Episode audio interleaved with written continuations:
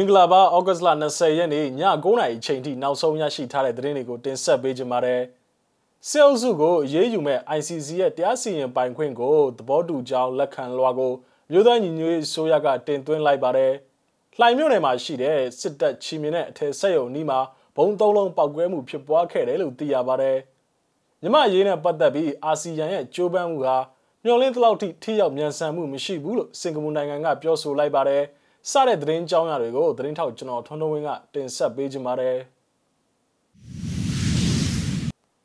ပထမဦးဆုံးအနေနဲ့တင်ဆက်ပေးခြင်းတဲ့သတင်းကတော့မြန်မာနိုင်ငံမှာအာဏာသိမ်းစစ်တပ်ကကျူးလွန်တဲ့စစ်ရာဇဝတ်မှုများကိုရေးယူမဲ့နိုင်ငံတကာရာဇဝတ်ခုံရုံး ICC ရဲ့တရားစီရင်ပိုင်ခွင့်ကိုသဘောတူကြောင်းလက်ခံလွှာကို ICC ရဲ့မှတ်ပုံတင်ရရှိထံကိုတရားဝင်တင်သွင်းလိုက်ပြီးဖြစ်ကြောင်းမြို့သားညီညွတ်ရေးဆိုရကဒီကနေ့ဩဂတ်စ်လ20ရက်နေ့ရက်စွဲဖြင့်သတင်းထုတ်ပြန်လိုက်ပါတယ်။ အာဏာသိမ်းစစ်ကောင်စီကရခိုင်ပြည်နယ်အတွင်းမှာနေထိုင်တဲ့ရိုဟင်ဂျာလူမျိုးများကိုလူမျိုးတုံးတပ်ဖြတ်ခဲ့ပြီးတော့တိုင်းသားပြည်သူလူထုတရလုံးပေါ်မှာစစ်ရာဇဝတ်မှုများကျူးလွန်ခဲ့တာပါအစိုးရကြေညာချက်ကိုနိုင်ငံတကာရာဇဝတ်ခုံရုံးရဲ့ပုံမှန်စနစ်သုံးနဲ့အညီတင်သွင်းခဲ့ခြင်းဖြစ်ပါတယ်ရင်းကဲ့သို့တင်သွင်းခဲ့ခြင်းကြောင့်နိုင်ငံတကာရာဇဝတ်ခုံရုံးရဲ့စာချုပ်ရောမစာချုပ်မှာသဘောတူလက်မှတ်ရေးထိုးမထားတဲ့နိုင်ငံကိုခုံရုံးရဲ့တရားစီရင်ပိုင်ခွင့်ကျင့်သုံးခြင်းအတွက်သဘောတူလက်ခံစေနိုင်ကြောင်း မြို့သားညီညွတ်ရေးဆိုရကဆိုပါတယ်အဆိုပါကြေညာချက်ကိုဆက်လက်စဉ်းစားနိုင်ရန်ခုံရုံးရဲ့မှတ်ပုံတင်ရရှိထံကိုဇူလိုင်လ18ရက်နေ့ကလွှဲပြောင်းပေးခဲ့ကြောင်းကိုမြို့သားညီညွတ်ရေးဆိုရရဲ့ကြေညာချက်မှာဖော်ပြထားတာပါစစ်တပ်ကကျူးလွန်ဆဲဖြစ်တဲ့ရက်ဆက်ရုပ်မာတဲ့ရာဇဝတ်မှုများကိုသတိပြုမိသည့်အတွက်အတိတ်မှာကျူးလွန်ခဲ့တဲ့ရာဇဝတ်မှုများအားလုံးအတွက်တရားမျှတမှုကိုဖော်ဆောင်ရန်ကြိုးပမ်းနေကြောင်းကိုမြို့သားညီညွတ်ရေးဆိုရကသတင်းထုတ်ပြန်ထားပါတယ်။ ဆက်လက်ပြီးတင်ဆက်ပေးခြင်းတဲ့သတင်းကတော့ရန်ကုန်တိုင်းဒေသကြီးလှိုင်မြို့နယ်အတွင်းမှာရှိတဲ့စစ်တပ်ချီမြင်တဲ့အထက်ဆက်ယုံနီးမှာဒီကနေ့ဩဂတ်လ20ရက်နေ့မိုးလပိုင်းတနင်္လာဝင်းကျင်ချိန်ခန့်ကဘုံသုံးလုံးဇက်တိုက်ပောက်ကွဲမှုဖြစ်ပွားခဲ့တယ်လို့ဒေသခံတွေကပြောဆိုနေပါတယ်။အဆိုပါဘုံပောက်ကွဲတံကိုကြဲကြဲလောင်လောင်ကြားခဲ့ရကြောင်းကိုလည်းဒေသခံတို့ကဆိုပါတယ်။သုံးချက်ဆင့်ပေါက်တာအကျယ်ကြီးပဲတိုက်တောင်လှုပ်သွားတယ်လို့ဒေသခံတို့ကဆိုပါတယ်။အဆိုပါစစ်တပ်ချီမြင်တဲ့အထက်ဆက်ယုံနီးမှာဘုံဇက်တိုက်ပောက်ကွဲမှုနဲ့ပတ်သက်ပြီး လူထိခိုက်ဒဏ်ရာရရှိမှုအခြေအနေတွေကိုတော့မသိရသေးပါဘူးလက်ရှိချိန်ထိတော့ဆိုဘာနေယာနီးတစ်ဝိုက်မှာအကြမ်းဖက်စစ်ကောင်စီတပ်ဖွဲ့ဝင်တွေကစုံစမ်းစစ်ဆေးလျက်ရှိနေတယ်လို့ဒေသခံတွေကဆိုပါတယ်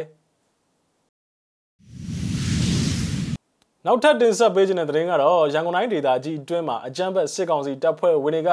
စစ်စစ်တင်းကျပ်လျက်ရှိတဲ့ကြားကမြောက်တကုံမြို့နယ်ကလူငယ်တွေကဒီကနေ့ဩဂတ်စ်လ20ရက်နေ့ညနေပိုင်းချိန်ကဆီယနာရှင်အမြင့်ပြည့်ဖြုတ်ကြရေးအတွက် ပျောက်ကြားတပိတ်ပြုလုပ်ပြီးဆန္ဒပြခဲ့ကြပါသေးတယ်ဆန္ဒပြဗီဒီယိုဖိုင်ကိုကြည့်ရှုရအောင်ပါ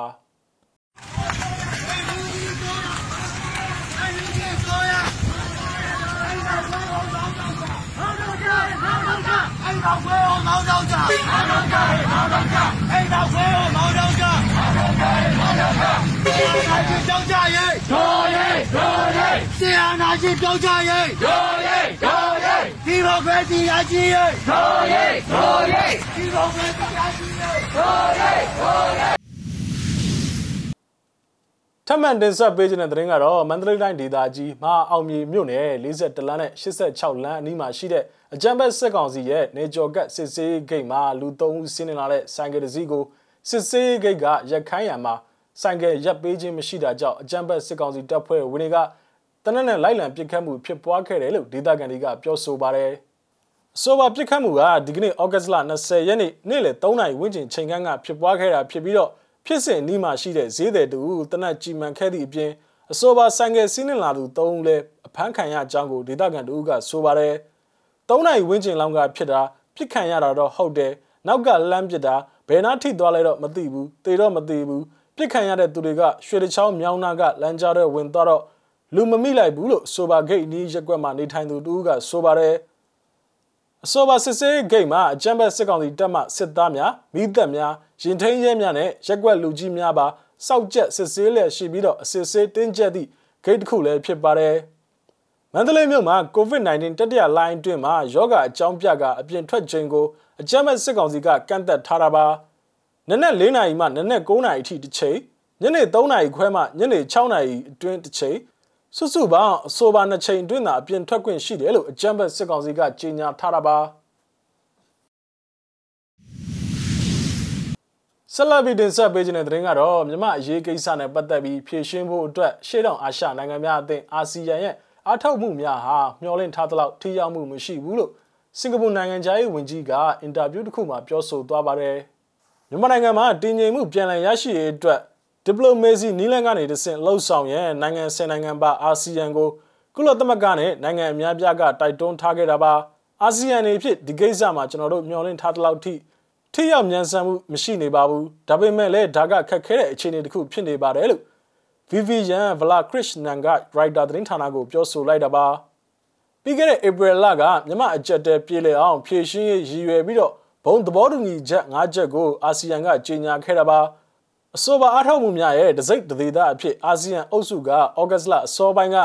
ဘရူနိုင်းနိုင်ငံဒုတိယနိုင်ငံခြားရေးဝန်ကြီးကိုမြန်မာနိုင်ငံဆိုင်ရာအထူးတန်တမန်ဖြစ်ခန့်အပ်ခဲ့ပါသေးတယ်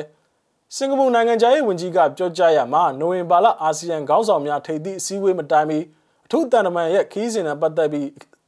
အစီရင်ခံရန်တိုးတက်မှုရှိလိမ့်မည်လို့မျှော်လင့်ထားကြောင်းပြောဆိုခဲ့ပါတယ်။အဆိုပါထူးတန်တမန်ရဲ့ခီးစဉ်မှာ၎င်းကိုမြန်မာနိုင်ငံမှာရှိတဲ့ သက်ဆိုင်သူအဖွဲ့အစည်းများအားလုံးနဲ့တွေ့ဆုံခွင့်ကိုစစ်တပ်ဘက်ကခွင့်ပြုရမှာဖြစ်ကြောင်းနဲ့သို့မှသာအတိတ်ပဲရှိမလိမ့်မည်လို့စင်ကာပူနိုင်ငံသားရေးဝန်ကြီးကသတိပေးသွားတာပါ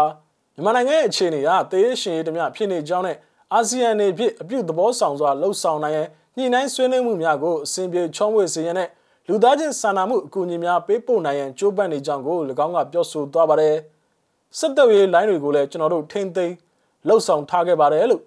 ဘလာခရစ်ရှနန်ကပြောပါတယ် အာဆီယံသို့မဟုတ်စင်ကာပူနိုင်ငံတွေဖြစ်မြန်မာအမျိုးသားညီညွတ်ရေးဆိုရနဲ့ပတ်သက်ဆက်ဆံမှုရှိသားသလားဆိုတဲ့မေးခွန်းကိုဖြေကြားရမှာကျွန်တော်တို့အနေနဲ့ကိစ္စရက်တွေကိုခက်ခဲအောင်လုပ်ဖို့စ조사မနေပါဘူးပြီးတော့ကျွန်တော်တို့အနေနဲ့ဘယ်ဘက်ကိုမှချဲလဲနေတာမျိုးလည်းမရှိပါဘူးဒါပေမဲ့ကျွန်တော်တို့အားလုံးနဲ့ဆက်ဆံပတ်သက်သွားမယ်ဆိုတာကိုတော့စစ်တပ်ကအာဏာပိုင်တွေသိသင့်ပါတယ်လို့ဘလာခရစ်နန်ကပြောဆိုသွားခဲ့ပါတယ်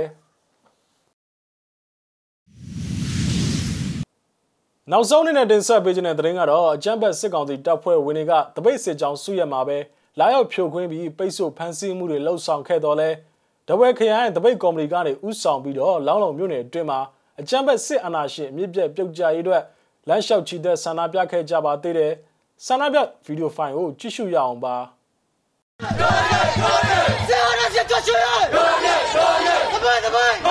တပိုင်တပိုင်အိစကောမရကြောင်းအိ စကောမရကြောင်းဆရာရရှိကြချင်ရ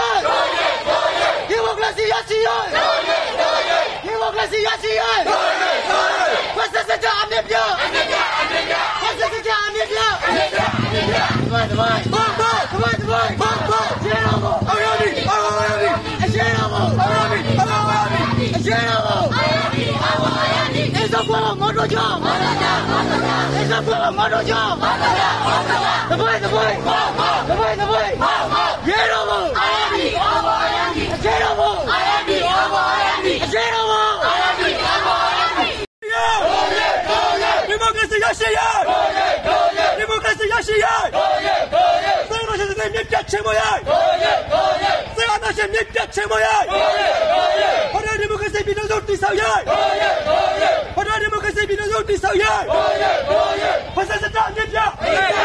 ဖက်စစတာမြတ်ပြအဲ့ဒါခွဲမလို့ကြအဲ့ဒါခွဲမလို့ကြအဲ့ဒါစခွဲလို့မရှိအဲ့ဒါစခွဲလို့မရှိအဲ့ဒါစခွဲလို့မရှိဘာဘာဘာဘာဘာဘာဘာကျေအောင်ကျေအောင်ကျေအောင်